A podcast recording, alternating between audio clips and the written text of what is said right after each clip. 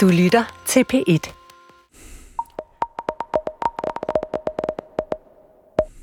Vildt vejr i weekenden. Vi er håbløst bagefter med klimasikring, og det koster.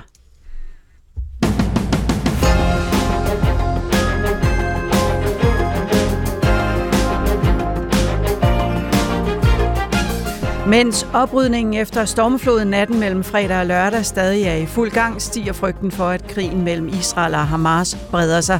Det skubber oliepriserne og gaspriserne i vejret. Samtidig begynder aktiemarkederne at rykke på sig. Vi ser i dag på, hvordan krigen påvirker resten af verden. Og sidst i programmet skal vi runde livet som mindretalsaktionær, efter familien Stadil har gennemtvunget en afnotering af brødrene Hartmann fra børsen og fået selskabet ganske billigt, vil nogen mene. Vi skal møde en af dem, som kæmpede for at skubbe prisen på Hartmann i vejret, og fik den lidt i vejret i hvert fald, og lykkedes med det en lille smule.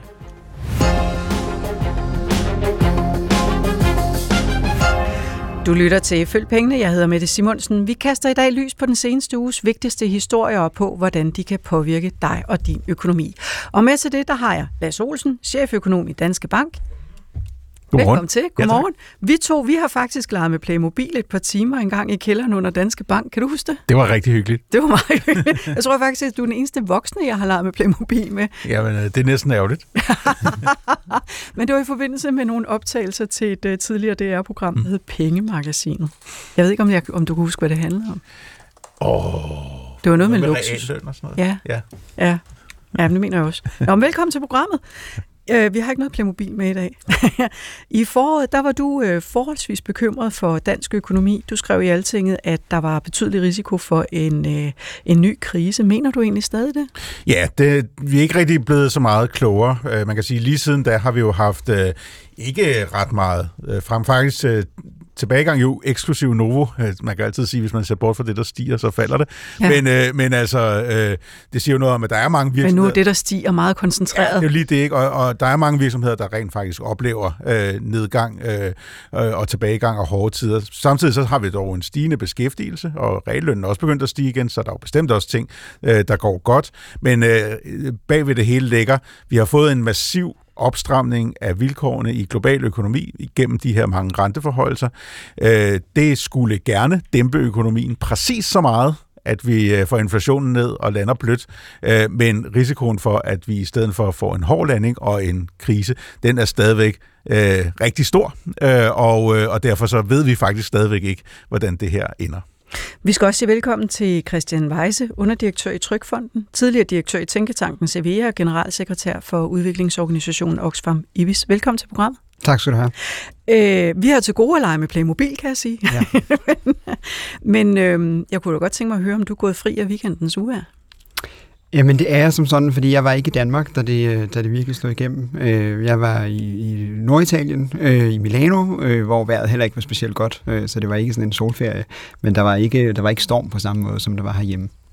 Men lad os blive øh, i uværet, fordi det blev jo faktisk vildt og voldsomt. Strandhuse blev til, slået til pindebrænde, både sank og saltvand trængte ind i dagligstuer. Mange steder var det den værste stormflod, vi har set siden 1904. Og her fortæller brigadechef Martin Vendelbo lørdag morgen om kampen mod vandmasserne, der især pressede sig på i det sønderjyske område det steg så meget, og der var så meget tryk på, så, så selv det øh, kraftige udstyr, vi havde udlagt, øh, det, det kunne simpelthen ikke, øh, det kunne ikke stå imod det. Det blev, øh, det blev højere, end, end det vi kunne, øh, vi kunne klare dernede. Så der er nogle steder, og det er jo blandt andet Omro, som har vand i gaderne, og det har man også øh, i Kolding, og det har man også øh, over ved Fyn ved Assens, og det har man øh, også andre steder i øh, Sønderjylland. Ja, det, øh, det pressede sig på, og der var, det var absolut ikke alle steder, at de ting, man havde øh, gjort for at undgå, at vandet skulle komme ind, det øh, lykkedes. Pia Holm Steffensen, underdirektør i Forsikring og Pension. Velkommen til Følg Pengene. Tak skal du have. Du kommer lige ind fra højre her, og, og øh, ja, du fortalte forleden, da vi talte sammen, at du har et sommerhus i Korsør temmelig tæt på vandkanten. Hvordan gik det egentlig hos dig? Jamen, hos mig gik det rigtig godt, øh, kan man sige. Øh, fordi der var ikke, der var ikke øh, særlig højt øh, vand. Der var faktisk nærmere meget lavvandet, fordi øh, vandet var trukket andre steder hen. Øh, men øh, fornemmelsen af det der med, at, øh, at vandet kommer, der kan jeg bare sige, at selvom jeg har været forskånet i den her omgang, så kan jeg sagtens følge bekymringen, som, øh, som man har, når man, øh, når man får at vide, at der kommer en stormflod. Og vi kan jo ikke øh, vide fuldstændig med sikkerhed, hvor det er, den rammer hen. Men, øh, men det gik for mig denne gang. Det er jeg glad for at høre på din vej i hvert fald. Tak. Vi skal også sige velkommen til Brian Gardner Mogensen. Øh, bliver der kystsikret, at du, nu skal jeg lige, du er partner i Realize Danmark. Du er rådgiver for eksempel inden for finansiering af kystbeskyttelse og øh, om det kan betale sig at sikre sig. Velkommen til Følg Pengene. Tak. Bliver der kystsikret meget øh, lige nu? Er der, er der meget gang i den? Ja, altså man kan jo sige, at der er en del projekter, der sådan er i planlægningsfasen. Det man måske har til gode at se, det er, at man når til realiseringsfasen, hvor et spaden bliver øh, stukket i jorden, når man begynder at lave nogle kystsikringsanlæg. Men altså man kan jo sige, at øh, det, det afhænger af i sidste ende, det er jo, om det kan betale sig at kystsikre. Altså, hvad koster det at kystsikre i forhold til, hvad det er for nogle værdier, der bliver beskyttet? Det, øh, det er jo ligesom fra sag til sag, at man må afgøre, øh, hvorvidt, øh, hvorvidt øh, der er rentabilitet i det, så at sige. Og lad os så lige besøge et af de steder i Danmark, som blev allerhårdest ramt. Vi skal en tur til Mommark Marina. Det ligger på Als i Sønderjylland. Øh, Steven Andersen, du er partner i Marinaen. Velkommen til programmet. Jo, tak. Vi talte sammen i fredags, og der havde du allerede våde fødder, øh, fortalt du. Hvor slemt blev det egentlig nede hos jer? Altså, det var jo også med de store øh, containere, der var fyldt med stabil grus, yeah. øh, som vi blev nødt til. Vi, vi ligger jo lige ud til øh, Lillebælt, så vi havde jo op, op på østsiden, øh, så vi havde jo virkelig, virkelig store bølger herude allerede fredag. Mm. Øh, vand, det gik op til kanten. Du fortalte og... også, at I mistede jeres badebro allerede torsdag, faktisk. Ja, ja, ja, ja det gjorde vi. Øh, den, den, den holdt ikke. Øh, den ligger også i smadret ned på, på stranden, det der nu er tilbage af den. Mm. Øh, vi sikrer jo med de her store hvad hedder det, container fyldt med stabilgrus, 18-20 øh, ton stykket. Øh, hvis vi ikke havde haft den, så havde vi ikke haft en restaurant øh, i dag. Til gengæld så marina, den er, den er virkelig, virkelig medtaget. Øhm, der, har, der, der skal store ødelæggelser ud fra af store kræfter her. Og I, har, I havde 65 bådpladser. Hvor, hvor mange både kan der ligge i marinaen, sådan som det ser ud lige nu? Du, du, du. der er ikke mange bådbroer, eller hele bådbroer tilbage. Øhm, det vil sige en 15 stykker. Mm. Så hvor mange penge skal I så, altså hvor, hvor meget skal I så til at bygge op igen nu? Det, det, det, der kommer til at ske nu, det er, at vi skal have, vi skal have noget forsikringssagkyndigt ud og kigge på de her skader. Øhm, det er rigtig, rigtig mange penge, det drejer sig om. Mm. Selve, øh, selve restaurantdelen øh, er heldigvis småskader, jeg vil sige, vi har, vi har haft vand inde i vores selskabslokale, og det skal alle, alle gulv skal skiftes i, øh, i hele restaurationen. Øhm, det, det, det, vi kigger mest ind på nu her, det er, hvad, hvad der ellers er sket af skader. Vi har jo brugt de sidste par dage på at, at rydde op og fjerne alt det havaffald, der er kommet, så vi egentlig kan besigtige skaderne. Men vi har jo moler og store værn, der faktisk er, er, er flækket hele vejen rundt. Du har, øh, du har været partner i, øh, i øh, Mommark Marina i, er det 10 år cirka, hvor, hvordan er det egentlig at stå og se på, på sit sted, sådan som øh, det ser ud i dag? Partner har jeg kun lige været lige et par år, øh, men, men jeg har været med helt fra starten stort set de sidste mm. 9 år, og bygge det her sted op til en, en lille perle på Als, som vi kalder den. Vi har palmer på stranden, og øh, vi, har, vi har virkelig godt kulturliv hernede. Øh, der kommer rigtig, rigtig mange turister øh, og gæster og besøger os. Og det, det er jo hårdt at se, og det bliver, det bliver svært at se øh, fremad, hvordan og hvorledes vi lige skal få, få bygget op igen, men jeg er sikker på, at vi nok skal komme derhen øh, og få det tilbage, hvor, hvor, hvor det var før stormen. Hvem regner du med kommer til at betale for skaderne? Os selv. Jeg selv? Ja, det, man, man har altid, det, det, det er jo den værste worst case, det er, at øh, vi selv skal, skal i gang. Øh, byråkrati, det er, jo, det, er jo, det er jo svært at slås med. Øh, mm. Men, men, men langt hen ad vejen, så, så, så, så tror jeg, det bliver, det bliver os selv, der skal øh, finansiere de her skader, som, som så er kommet. Kunne I have været hjulpet af en eller anden form for klimasikring efter weekendens vejr? Det, det kunne vi godt. Øh, jeg har, jeg har ikke sat mig sådan super meget ind i, hvordan og hvorledes noget det skulle laves. Øh, motoren, det kunne jo godt have været højere, og øh, de sten, stengær, der ligger rundt øh, for, for at lave nogle bølgebrydere. Nu er det heldigvis en meget sjælden situation, vi øh, kommer ud i. Vi, vi er vant til, øh, det højvande øh, kan sagtens klare de der to meter, Mm. øh, uden at få, få så våde tær. Så det var bølgerne, Øhm, der, der ramte jer? Det var, det, var, det var simpelthen bølgerne, altså øh, kombinationen med, med øh, den, den østenstorm, der så kom. Mm. Bølgerne, de var jo, fik jeg at vide, 4,5 meter høje herude. Altså, da jeg smuttede øh, fredag aften, der, der var de omkring 3 meter. Hold da op. Øh, og, og det skulle man langt ud og kigge i, i vandet, men de, de, skyllede, de skyllede op over os. Det lyder som om, du har rigeligt at gøre nu. Øh, Jeg vil sige tusind tak, fordi du havde overskud til at være med her i Følg Pengene, øh, Steven Andersen. Velbekomme. Pia Holm Steffensen, klimasikring løser ikke problemet alle steder, men vi talte sammen forleden, og der sagde du, at vi var håbløst bagefter med klimasikring. Hvad mente du egentlig med det? Jamen, jeg mener jo egentlig, at, at det, det, vi kan konstatere, det er, at det vandet, det kommer. vandet kommer både øh, udefra, øh, det har vi jo set øh, hen over weekenden. Der kommer også øh, mere vand som nedbør, og det ved vi, der gør, fordi øh, de her temperaturstigninger, vi kommer til at se i fremtiden, de sætter sig i øh, mere vand fra oven. Og så har vi en, øh, en udfordring med, at grundvandet også stiger.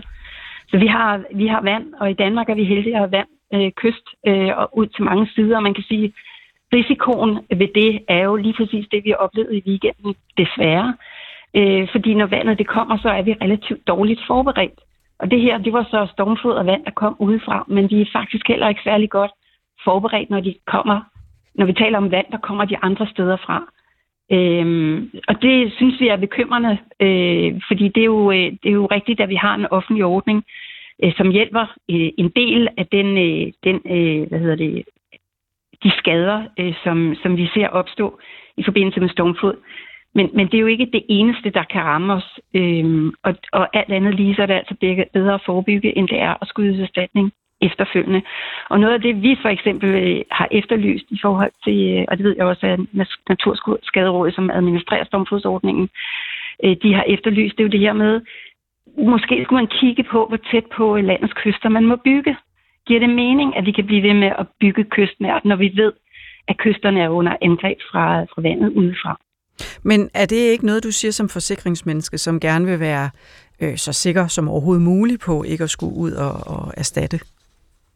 Jamen, man kan sige, at de skader, der er sket hen over weekenden, det er jo faktisk ikke forsikringsselskaberne, der erstatter dem. Nej. Det er en offentlig ordning, som vi alle sammen betaler for og betaler til.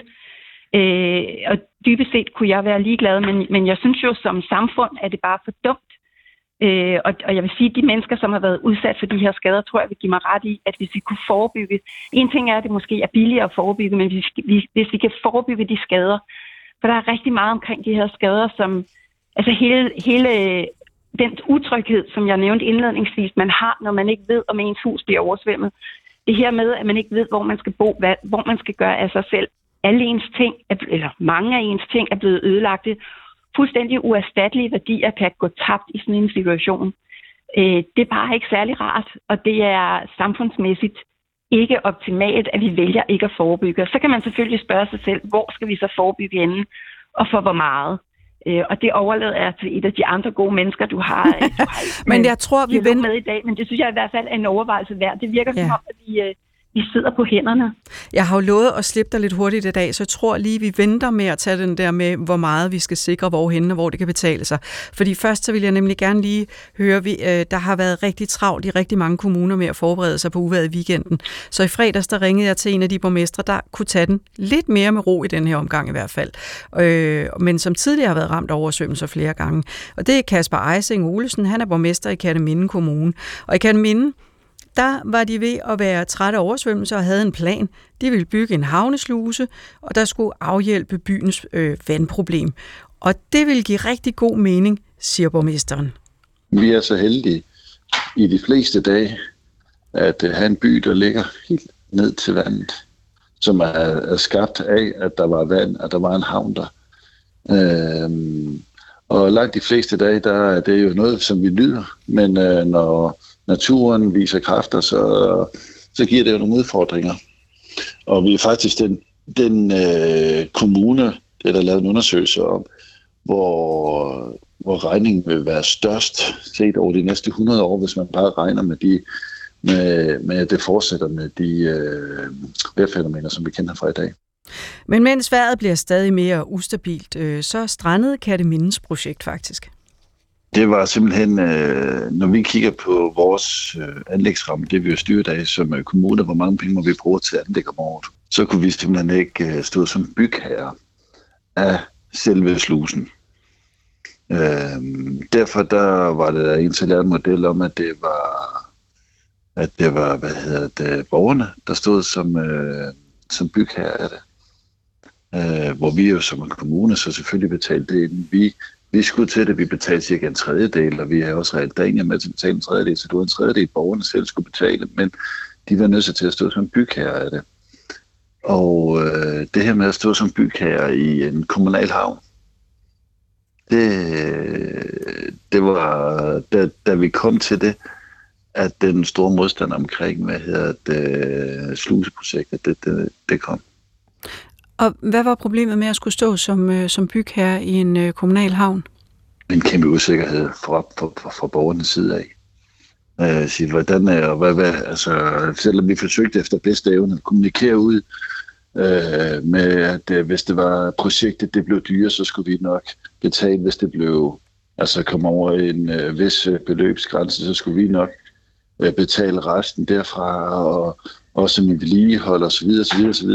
Men der, var, der, der blev simpelthen øh, en kæmpe nervøsitet i forhold til, hvad er det for nogle eventuelle ekstra regninger, øh, vi kan komme til at stå med, når det nu er os, der er bygherre af det her. Så det var, det var simpelthen en nervøsitet blandt borgerne for lige pludselig at, at komme til at hænge på en ekstra regning, hvis den skulle opstå? Det var det. Og så kommer der så også en anden ting ind i det, øh, som også gav en øh, del, hvad hedder det, øh, hvad ord skal jeg næsten bruge? øh, det, det, var, altså, det var i hvert fald noget usikkerhed, som, øh, som skabte en konflikt. Fordi hvordan skulle man egentlig betale, når nu det var, at lodsejerne selv skulle betale en tredjedel af det her? Øh, altså være med til at betale øh, for, for nedslusen. Øh, hvordan skulle man så fordele regningen på de cirka 1000 lodsejere? Øh, skulle det bare være en til en, så alle de betalte lige meget? Skulle der være forskel i forhold til, hvad for en kode man, øh, man lå i? Skulle der være forskel i forhold til, hvor ens grund var, eller hvor stor ens hus var? Skulle man betale ekstra, hvis der var kælder? Og så videre. altså, det var et meget, meget kompliceret øh, regnestykke, mm. øh, og det gav jo bare sådan en dårlig... Øh, ja, altså, det, det gav konflikt øh, borgerne imellem. Hvordan er stemningen i Kataminde så nu? Vi har faktisk nogle af dem, der har sommerhuse, som ligger også. De kan for eksempel ikke forsikre deres huse, fordi de ligger så udsat. Så de er selvfølgelig meget interesserede i, at der bliver bygget noget? De er rigtig meget interesserede i det. Øh, men det er vi jo sådan set også som kommune jo. Altså, øh, vi har jo også, det, det er jo både fra infrastruktur og så videre, der, der ligger tæt på, som også kan tage, tage stor skade. Ja, jeg vil gerne stoppe øh, fortællingen fra Katteminde her et øjeblik. Pia Holm Steffensen, vi hører jo her, at flere sommerhusejere i Katteminde ikke er i stand til at forsikre deres hus, fordi de ligger, hvor de gør, og er ekstra udsatte for oversvømmelser, går jeg ud fra. Hvad tænker du om det? Jamen, jeg tænker, at det er jo lige præcis derfor, der er brug for, at vi får lavet en national øh, handlingsplan, så vi på en eller anden måde får talt om, hvor er det, det giver mest værdi at få beskyttet Danmark, de danske kyster øh, og de danske boligejere. Øhm, så, så, så det illustrerer jo sådan set meget godt øh, udfordringen. Mm. Øh, men det at det, det, at det er svært, øh, skal jo ikke betyde, at vi skal lade være med at gøre noget. Altså, jeg har lidt indtryk af, at det har været øh, mantraet indtil videre. Vi, vi er nødt til at tage nogle diskussioner om, hvad, hvad, hvor det giver mening at, at, øh, at beskytte for eksempel kystnære områder, øh, og, og hvad det er, vi vælger at, at give køb på. I dag virker det som om, det er sådan lidt tilfældigt, øh, hvad vi vælger at gøre. Det synes jeg faktisk øh, er bekymrende. Mm. Men øh, da vi talte sammen den anden dag, der sagde du også, at vi er faktisk et sted, hvor at der bliver flere områder i Danmark, der får svært ved at forsikre deres, deres, deres værdier. Ja. Det er rigtigt. Altså, det, er jo, det, er jo, det er jo det øh, perspektiv, vi kigger ind i, at hvis, der, altså, hvis vi bliver ved med ikke at gøre noget, så vil der være områder i Danmark, og her taler jeg altså ikke de kystnære områder øh, omkring stormflod, fordi det har ingenting med forsikring at gøre, mm. andet end de forsikringsselskaberne, der hjælper med at opgøre skaderne. Men, men hvis vi kigger på for eksempel skybrud, så vil der være steder i Danmark, der ligger så lavt, at hver gang det regner, så vil de blive våde. Og hvis ikke vi gør noget for at forebygge det som samfund, så vil der være et tidspunkt, hvor de danske forsikringsselskaber, må man antage, siger, at den her risiko, den er simpelthen for stor. Og hvis prisen den skal afspejle risikoen, så er der ikke nogen, der har råd til at tegne forsikringen eller at bo i det hus. Og hvor, Det, hvor, det er det, vi kigger ind i, hvis ikke vi gør noget. og hvor tæt er vi på at komme i den situation? Jamen, jeg, jeg tror ikke, at det er et sted, vi er om øh, et, to eller tre år, men jeg tror ikke, at vi, vi, vi behøver ikke, altså hvis vi kigger 10 år ud i fremtiden, så er det der, vi er, hvis ikke vi gør et eller andet. Pia Holm Steffensen, jeg har lovet at slippe dig så hurtigt som muligt, og det vil jeg gøre nu. Tusind tak, fordi du var med her i Følg Pengene i dag. Tak for det. Tak for nu. Hej. Og nu tror jeg, Lasse Olsen, at vi skal en tur i banken. fordi, hvad vil det betyde, hvis der bliver områder, der ikke kan forsikres på grund af naturhændelser? Ja, men det er klart, det er jo øh, det er noget, man virkelig skal tænke meget, meget grundigt over. Øhm, fordi øh, i forvejen, øh, som det også blev sagt, så er der jo nogle steder, man, man sådan, der er jo forsikret gennem, at vi sådan hjælper hinanden øh, ved de her øh, ordninger, der nu er omkring stormflod, øh, som ellers ville være meget, meget, meget øh, dyre at, at forsikre, eller sikkert i praksis umuligt. Så der er jo allerede sådan en eller anden form for, for mellemting der, øh, og det bevæger sig jo kun i den værre retning, øh, så vidt vi kan se, og derfor så øh, er det altså nødt til, vi er altså nødt til som, som samfund at beslutte nogle af de her ting, øh, hvor solidarisk skal det være, øh, skal der være regler for, hvor man så må bygge, når nu vi er fælles om at betale regningen, og alle de der ting øh, skal vi være fælles om de her sikringer. Der er virkelig nogle store beslutninger, som jeg er enig i, ikke rigtig er blevet taget endnu. Og, og hvad med bankerne? Nu ved jeg godt, du sidder mere i banken end i realkredit, men, men de skal vel også til at, at kigge på, hvor mange penge man kan låne ud til et hus, der ligger helt ude ved vandkanten. Jamen det, det indgår jo øh, helt klart allerede altså i den samlede vurdering af, øh, hvad, hvad, hvad man kan låne. Øh, Det er jo hele tiden det der, man skal jo hele tiden sige, kan det, kan det sælges igen øh, til, til, til den pris øh, inden for en rimelig frist. Og der indgår de her ting selvfølgelig også. Det vi dog kan se er jo bare, at folk er stadig villige til at købe de her huse, også selvom de ligger ude i vandet. Der er jo lavet nogle studier, der viser, at prisen bliver en lille smule lavere. Det er jo ikke meget. Jeg tror. Nationalbanken lavede det 150.000 mindre i snit eller sådan noget, ikke? Noget af den dur. Øh, og det, det kan man undre sig lidt over, at det, det ikke er mere. Men øh, det er selvfølgelig nok nogle lidt øh, mod... Altså, ja, man siger jo nok, ja, hvis det sker hver 100 år, øh, øh, hvad pokker, ikke? Øh, øh, og, øh, og, og det er klart, men der kan man jo godt forestille sig, at det kommer til at ændre sig i fremtiden. Christian Weise, du markerer. Ja, men det er mere fordi, at jeg synes, det er et eksempel på det, som, som er det helt klassiske, når vi har sådan nogle ting, som, som ulykker, der, der ikke kommer særlig tit. Og det er, at vi kan, kun for, vi kan kun forestille os det, vi har oplevet tidligere. Så det vil sige, hvis man har oplevet, at vandstanden stiger med to meter, når man så bygger et dige, så laver man det måske 2 meter, 10 cm, fordi så tænker man, så er man sikret. Øh, og det ser vi både, når det handler om klimaudfordringer, men vi ser det jo også med, på alle de områder, vi ellers snakker om i dag, altså økonomi. Men når vi går tilbage til finanskrisen for eksempel, jamen så er en af vurderingerne af grunden til, at det gik galt, var jo fordi, man havde en masse systemer, som skulle sikre sig mod en krise, men man havde kun den historiske data, og derfor så havde man lavet modellerne på baggrund af, jamen hvad nu hvis aktiemarkedet falder 30%, eller hvad nu hvis renten stiger med 3% eller andet. Men lige pludselig faldt aktiemarkedet med 45%, samtidig med, at der skete en masse andre ting, og så duede modellen ikke. Og det var egentlig bare min pointe, at det er jo nøjagtigt det samme, vi oplever i forhold til, øh, har man et hus, som er sikkert at bo i, øh, har man en, en, et sommerhusområde eller en landsby, som kan modstå de her klimaudfordringer. Man kender kun det historiske, og man forventer kun, at man ser det samme igen, eller noget, der måske er lidt værre. Og man må bare sige, med de klimaudfordringer, vi står med i dag, øh, jamen så er historien ikke nogen særlig god øh, rettesnor for, hvordan det kommer til at gå. Så skal i hvert fald et, go- et godt stykke tilbage. Præcis. Men handler det også om, at vi også har det med at glemme, hvad det er, vi har været, hvad vi har oplevet tidligere? Ja, der er nok en tendens til, at vi altså, som, som mennesker helt generelt, øh, så grund til, at vi overlever, er jo, fordi vi er gode til at identificere fare. Øh, det er grundlæggende derfor, at vi modsat alle mulige andre arter har udviklet os, som vi har. Så det, at vi er, bliver utrygge, øh, når, når der er fare på færre, er jo faktisk en overlevelsesinstinkt. Men, men det er det nære, vi ligesom ser. Altså, vi er bange for at gå et sted, hvor der er mørkt, øh, men vi er mindre bange for at, at køre alt for hurtigt på en motorvej, fordi det, der kan vi ikke fornemme faren på samme måde. Og det er det samme, der gør sig gældende her. Vi glemmer, når ting er, er, er sket øh, for længere tid siden, og forestiller os ikke, at det måske sker igen. Brian Gardner Mogensen, du arbejder jo med sådan nogle projekter her. Altså, hvor, hvor, hvorfor er vi ikke i fuld gang? For vi hører jo altså nærmest dagligt om, hvordan er klimaforandringer forvandlet til at stige. Jamen det er fordi, at øh, der er ikke den betalingsvillighed øh, blandt de berørte, øh, som man måske kunne forvente.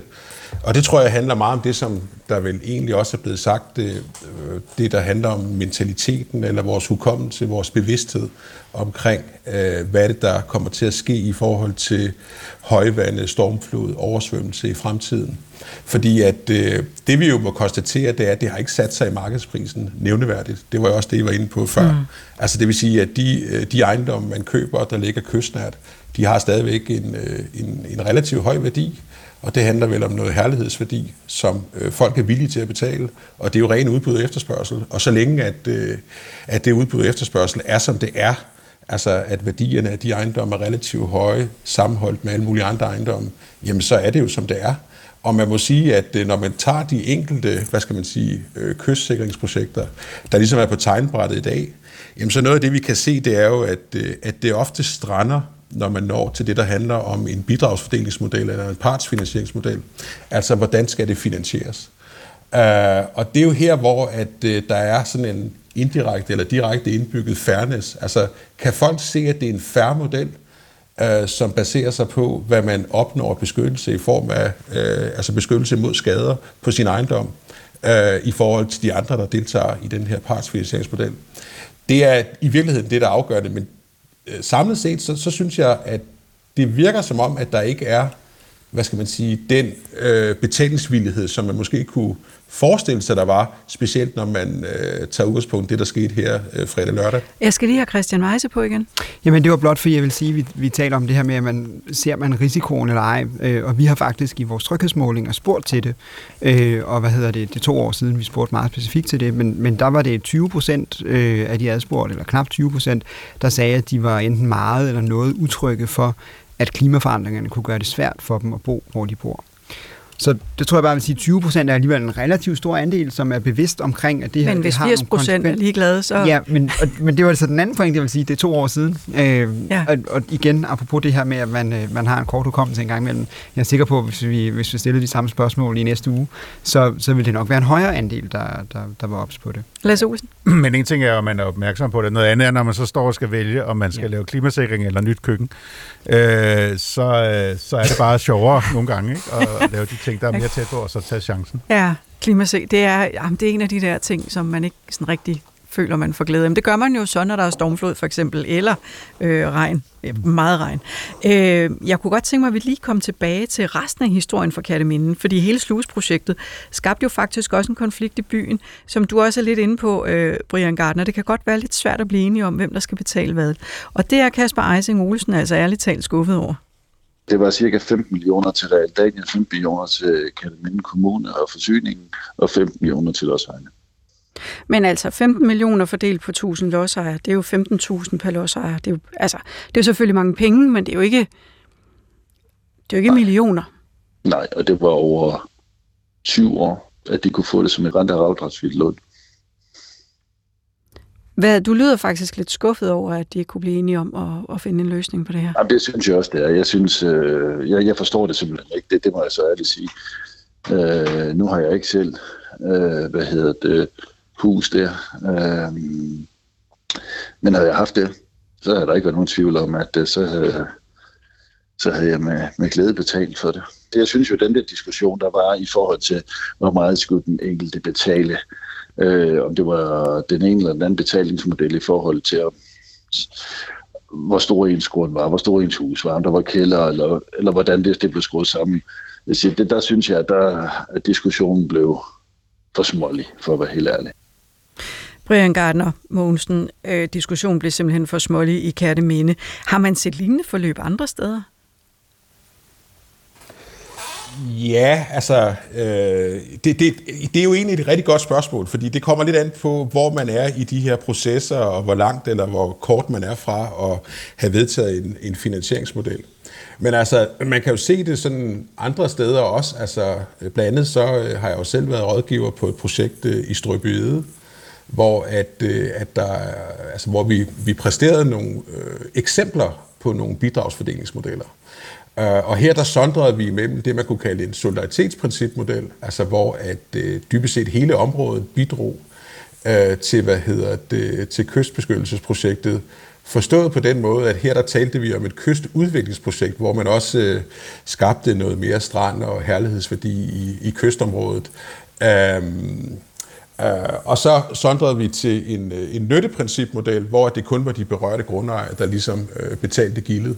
Og det vi kunne se, øh, eller det der kom frem, så det var så i TV2 Øst efterfølgende, det var, at der var meget stor divergerende opfattelse blandt lokalbefolkningen om, hvem der skulle betale. Mm. Uh, der var mange af dem, som ikke fik gavn, eller som ikke fik gavn i forhold til beskyttelsen, som synes, at uh, de skulle da ikke være med til at betale. Og så uh, kan man sige, at dem, som ligger uh, i første og anden række og får gavn af kystbeskyttelsen, jamen de synes da selvfølgelig også, at, øh, at det kunne være rart, at, øh, mm. at, øh, at hele lokalbefolkningen medfinansierede projektet. Men udover at folk måske ikke kan være, blive helt enige om regningen, og det kan være svært, at, sådan, at alle føler, at, de er, at, at det er en færre fordeling af, af prisen, hvad er det egentlig så, der står i vejen for klimasikring? Jamen dybest set, så er der jo ikke noget, der står i vejen for, for, for, for, for kystbeskyttelse i dagens situation. Altså, øh, der er jo ikke noget til hinder for, at en kommune for eksempel kan sige, jamen, øh, vi synes, at det her det er, øh, det er værd at investere i på, på, samme, øh, på samme niveau, som når man investerer i en, øh, i en kommunal vej, for eksempel. Og sige, jamen, vi synes, at det er, øh, det er et universelt gode, at vi beskytter, og, og det tager vi over kommuneskatten. Det kunne man jo i princippet gøre 100 procent. Men, men, men i dagens situation, der er det jo sådan, at det er jo øh, normalt den her nytteprincipmodel, der er omdrejningspunkt, det vil sige dem, der får glæde øh, af kystbeskyttelsen, det er dem, der betaler. Øh, og det synes jeg dybest set er et sundt princip. Øh, og så må man jo så sige, jamen, øh, øh, er der så den, øh, hvad skal man sige, betalingsvillighed? Øh, og det afhænger jo meget af, hvad et kystbeskyttelsesprojekt koster. Og i dagens situation, der er det jo normalt sådan, at det plejer at være de her nødtørftige projekter, som er et dige eller en stensætning eller øh, en højvandsmur, som gør sig gældende. Øh, nogle steder, der er der en villighed til at betale. Andre steder, der er der øh, bestemt ikke en villighed, og så øh, handler det også om, hvordan øh, de forskellige parter er fordelt på de berørte grundejere. Handler det så om, hvordan man sælger projektet, eller er der bare nogle steder i landet, hvor man har svært ved at komme til lommerne? Jeg tror, jeg, jeg, tror, jeg tror, det er en kombination. Okay, det var et kort svar. Men jeg talte faktisk i her i weekenden med øh, øh, Ina Jaller fra øh, hvad hedder det, Køge Kommune. Hun er landskabsarkitekt der. Og hun fortalte, at de har jo faktisk et ret stort projekt, et DI-projekt i Køge, som de har arbejdet på siden 14-15 stykker. Øh, de er ved at være ret langt. De mangler at fordele regningen og blive enige om, hvordan man gør det. Øh, men hos dem, der har det helt store problem været, at de hele tiden har stødt på noget naturbeskyttelse. Natur 2000. Øh, fordi de kommer til at gå lige i kanten af et stort område, hvor at der, så vidt jeg har forstået, er mange fugle. Øh, er det også en ting, man er nødt til at se på for at få den her kystsikring op at stå? Ja, helt bestemt. Altså man kan jo sige, at øh, det her øh, issue, det kan jo dybest set være en showstopper øh, for et kystbeskyttelsesprojekt. Men vi taler jo også om, at vi skal vitalt. passe på naturen, og der skal være biodiversitet og sådan noget. Så altså, kan, kan det helt godt gå op i en højere enhed? Øh, det er, det er jo et meget stort spørgsmål, du rejser, øh, om det kan gå op i en, i en højere enhed. Det burde det jo i teorien kunne, Øh, men når det så handler om praktik, eller det praktiske, så, øh, så afhænger det jo af, hvad man vægter. Øh, og der kan man jo så sige, jamen øh, hvis der er øh, en vægtning til fordel for, at du ødelægger noget natur øh, ved at lave et kystbeskyttelsesprojekt, jamen så er det jo en showstopper. Hvorimod hvis der er en, vægtning, en vægtning, øh, der taler for, at du skal beskytte for at beskytte nogle værdier øh, på land, øh, jamen så er der en vægtning til fordel for et kystbeskyttelsesprojekt. Mm. Kan du så kombinere det? Det tror jeg faktisk godt, man kan. Øh, det kræver mere, øh, det, kræver, det kræver nok noget vilje, øh, og det at man kan bøje sig mod hinanden i forbindelse med at finde en gunstig løsning, som gavner både natur øh, og de værdier, man skal beskytte på land. Og skal jeg måske lige sige, at du er partner i Realize Danmark, som blandt andet rådgiver i den her øh, slags øh, kystsikringsprojekter, kan jeg vel godt sige, ikke? Yes. Yes. Christian Weise, underdirektør i Trykfonden. Har vi helt forstået, hvad det er for en regning, vi bliver mødt med i fremtiden egentlig? Det tror jeg ikke. Øh, og en af grundene er, at vi jo faktisk ikke ved det, hvis man kan sige det sådan. Altså hver gang, at forskerne har kigget på, hvad hedder det, hvordan, hvordan ser klimaudfordringerne ud, hvor hurtigt går det, hvor store konsekvenser bliver, så er forskerne jo også selv blevet overrasket over, at det faktisk er gået endnu hurtigere, end det de forudsagde sidst. Så det vil sige, at øh, altså alt det her med, øh, kan vi sørge for, at, at kloden ikke bliver varmere, og klimaforandringen ikke bliver værre, der er der jo faktisk en tendens til, at vi bliver negativt overrasket, når vi, når vi, når vi kan se virkeligheden. Og det betyder jo også, altså så, så det starter der, kan man sige, og det starter med vores grundlæggende diskussion omkring, øh, hvor, hvor akutte er de her klimaforandringer, og hvad skal der til. Øh, og dernæst er der selvfølgelig så den, den enkelte borger. Og der, der må man sige, der er borgerne meget forskellige. Øh, der er nogen, der er meget bekymrede. Øh, der er nogen, der nærmest føler, at det er deres egen øh, eksistens og livsgrundlag, der bliver troet. Øh, vi hører om unge mennesker, som taler om, at de ikke synes, de kan sætte øh, børn i verden, fordi at de ikke ved, hvad for en verden det er, de vokser op til. Mm. Øh, og så er der andre borgere, som, øh, som, som tænker, jeg plejer at være heldig og klare mig, og det er ikke mit hus, der bliver ramt af stormen, og øh, må, må det går så galt, som vi forventer, og øh, der kommer nok noget teknologi, som, øh, som kan gøre, at det her ikke bliver så slemt, øh, og så videre. Så der må man sige, der er befolkningen meget forskellig, men, men det, vi, det, vi, det vi ved, det er, at vi står i noget, hvor vi jo som vanligt ikke kender fremtiden, og hvor der er nogle faktorer, som er endnu mere ustabile og usikre, øh, end når vi bare skal forudsige øh, ja, en masse af de ting, som vi, som vi er vant til at gøre. Og vi skal til at runde øh, det her øh, del med oversvømmelsesøkonomi af. Det vil jeg godt gøre, men jeg vil lige høre et sidste klip med borgmesteren fra Katteminde, Kasper Eising Olsen. Vi har projektet liggende i skuffen, og det er jo indtaget det, jeg både har lovet byrådet, men sådan set også har sagt øh, så offentligt jeg kan, øh, at lige så snart, at der bliver ændret på lovgivning på det her, så tager vi projektet der ved skuffen, og så er vi klar til at arbejde for igen at få en sluse til Kanada. Og måske har Kasper Eising Olesen held i sprøjten allerede i dag, fordi Miljøminister Magnus Heunicke præsenterer ved frokosttid i hvert fald øh, første del af sin længe ventede klimatilpasningsplan, og det gør han i Lemvi sammen med borgmester i Lemvi øh, Erik Flyvholm, Kenneth Mus, der er næstformanden for øh, Ja, det kan jeg ikke lige huske, hvad han er næstformand for, men han er i hvert fald involveret i noget KL, tror jeg. Og så direktøren for Dansk Vand og Spildevandsforening, øh, Danva. Brian Gardner Mogensen, hvad læser du egentlig ud af det setup? Ja, det er, også et, øh, det er også et rigtig godt spørgsmål. Altså, jeg tror, det handler meget om øh, finansiering. Altså, øh, hvad, hvad, hvad vil staten gå med øh, til øh, at, at medfinansiere forskellige øh, øh, kystbeskyttelsesprojekter øh, med? Det tror jeg er det afgørende. Og man kan sige, at, øh, at jeg tror ikke, at der vil blive rykket i forhold til ansvarsfordelingen. Altså ansvarsfordelingen tror jeg stadigvæk vil basere sig på, at dem, der får gavn, er dem, der betaler, og ansvaret ligger kommunalt. Øh, men jeg tror, det handler meget om, øh, at, øh, at der er en række udsatte områder i Danmark, som naturligvis skal prioriteres, så i den sammenhæng øh, kunne man forestille sig, at staten går ind og medfinansierer en, en kystbeskyttelse i, i de udsatte prioriterede steder. Det tror jeg måske kunne være et omdrejningspunkt. Tak fordi du var med her i øh, Følg Pengene, Brian Gardner Mogensen, partner i Realize Danmark. Og Lars Olsen og Christian Weiss, I må meget gerne blive her, fordi vi har jo faktisk mere på programmet. Du lytter til Følg Pengene, og vi er nået til prisen på krigen mellem Israel og Hamas.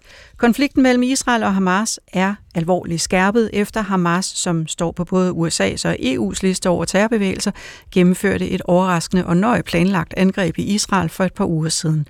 Omkring 1400 israeler døde under angrebet den 7. oktober, men det reelle dødstal er fortsat uklart. Hamas tog samtidig omkring 200 israelske gisler, og det melder det israelske militær.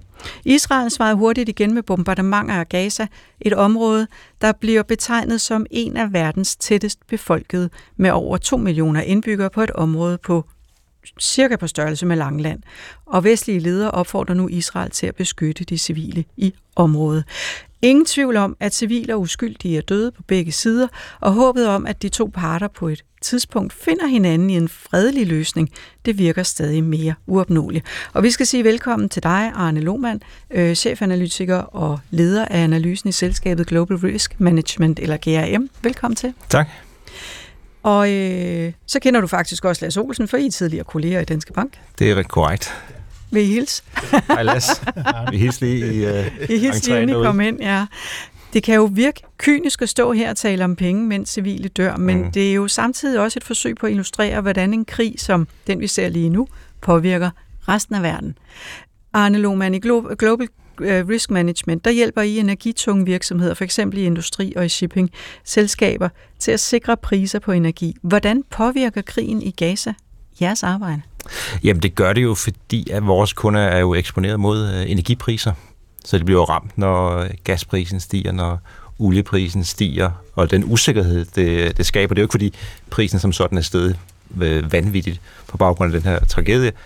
Men, men øh, man er selvfølgelig nervøs for, hvad sker der i løbet af vinteren? Hvad sker der de, de kommende måneder? Fordi så, det, de, dine kunder, de tænker jo langt frem, når de Ja, de afdækker jo risiko nøjagtigt, ligesom de, de er, altså inden for energi, jamen ligesom man afdækker, hvis man har en, en, en rente, så man gerne have en fast rente eller en valutaeksponering, jamen så hjælper vi dem så, hvis de har en råvare øh, eksponering her. Og, og der er energi jo som alle ved, meget afhængig af, hvad der sker i, øh, i Mellemøsten. Og man kan jo sige, at hverken øh, Israel eller det pa- palæstinensiske område Gaza øh, er store økonomiske spillere på verdensplan. De er heller ikke ledende energiproducenter, Nej. nogen af dem.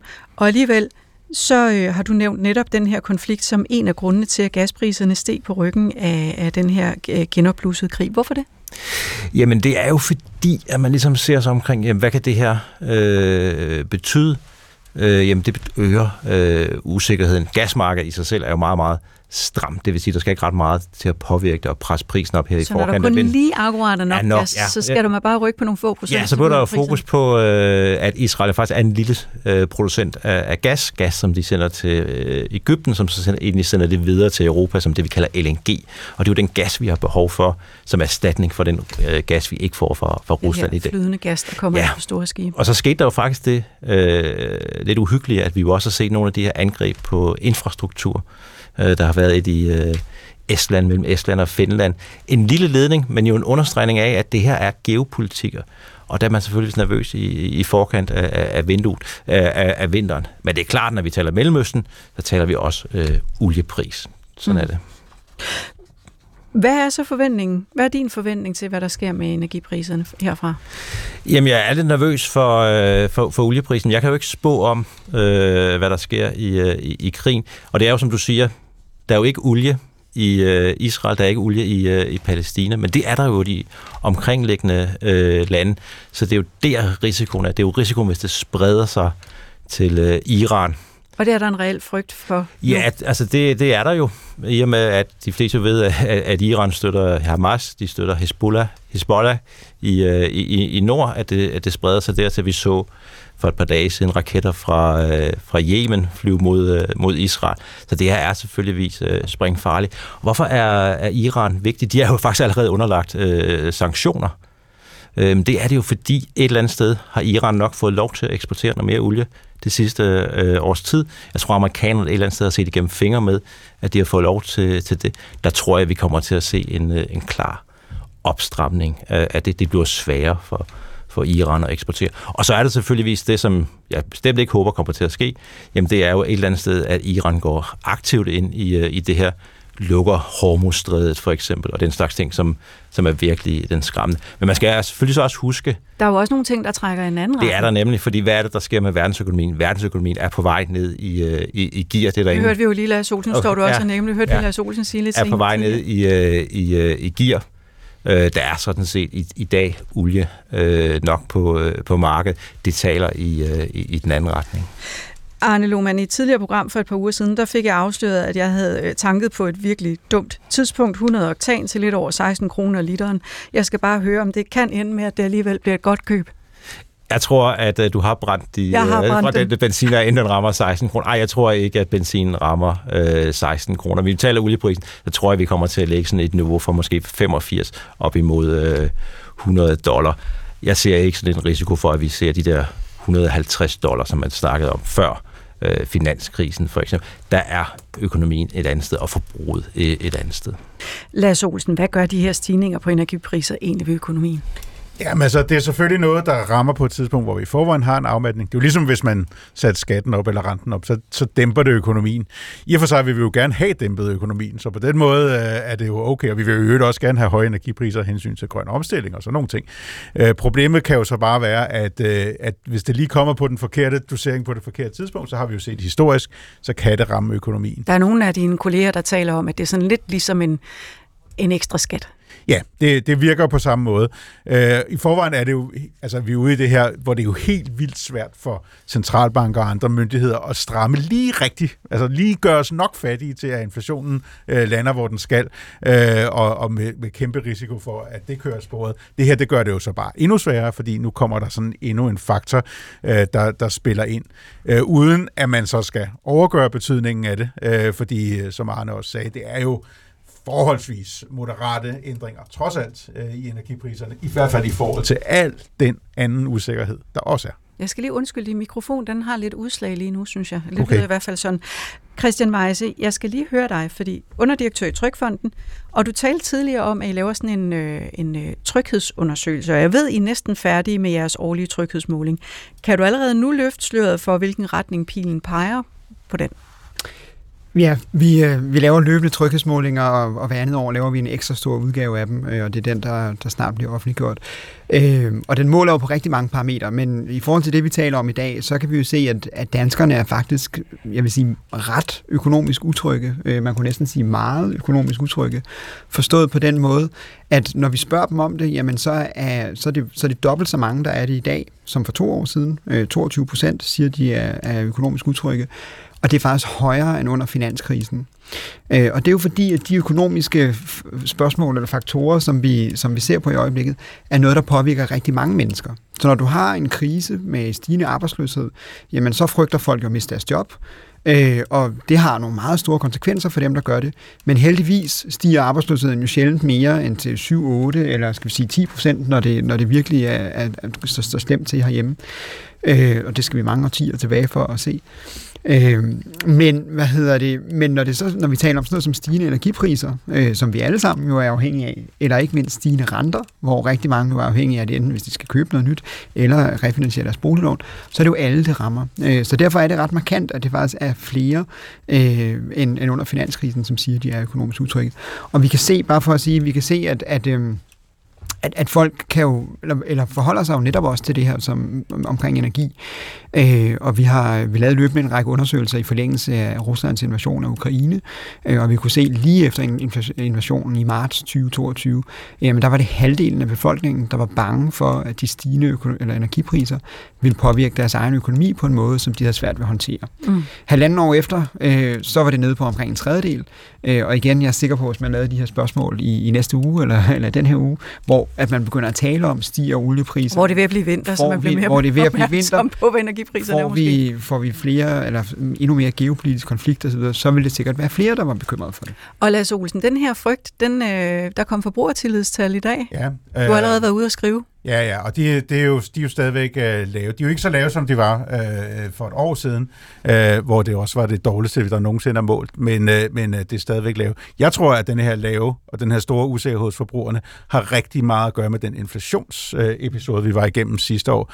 Øh, fordi øh, det var jo noget, der lige præcis påvirker ja, alle mennesker på én gang. Det var fuldstændig uventet. Det er ikke, vi har ikke set noget lignende siden 1950, øh, og, det, øh, og det tror jeg øh, simpelthen var, er det, der har, har rystet øh, forbrugertilliden stadigvæk stadig forbrugerne, selvom reallønnen jo rent faktisk er stigende nu for i hvert fald rigtig mange mennesker. Og det er noget, vi tydeligt kan se i forbruget, der nemlig ligger rigtig lavt, øh, mm. altså også i forhold til indkomsten. Selvfølgelig bruger vi færre penge, når vi bliver fattigere, men der er altså også mange mennesker, der ikke er fattigere, fordi beskæftigelsen er høj. Vi er blevet meget forsigtige. Og det kan vi tydeligt se her. Og man kan også kunne se det på inflation. Jeg skal lige høre helt kort øh, her, Arne Lohmann, til sidst. Hvad med jeres kunder? Kan du genkende den her tilstand af utryghed hos dine kunder? Ja, men ingen tvivl om det. Altså gaspriserne sidste år var jo et uh, wake-up call for rigtig mange, og der er selvfølgelig en nervøsitet for, at det kan uh, gentage sig.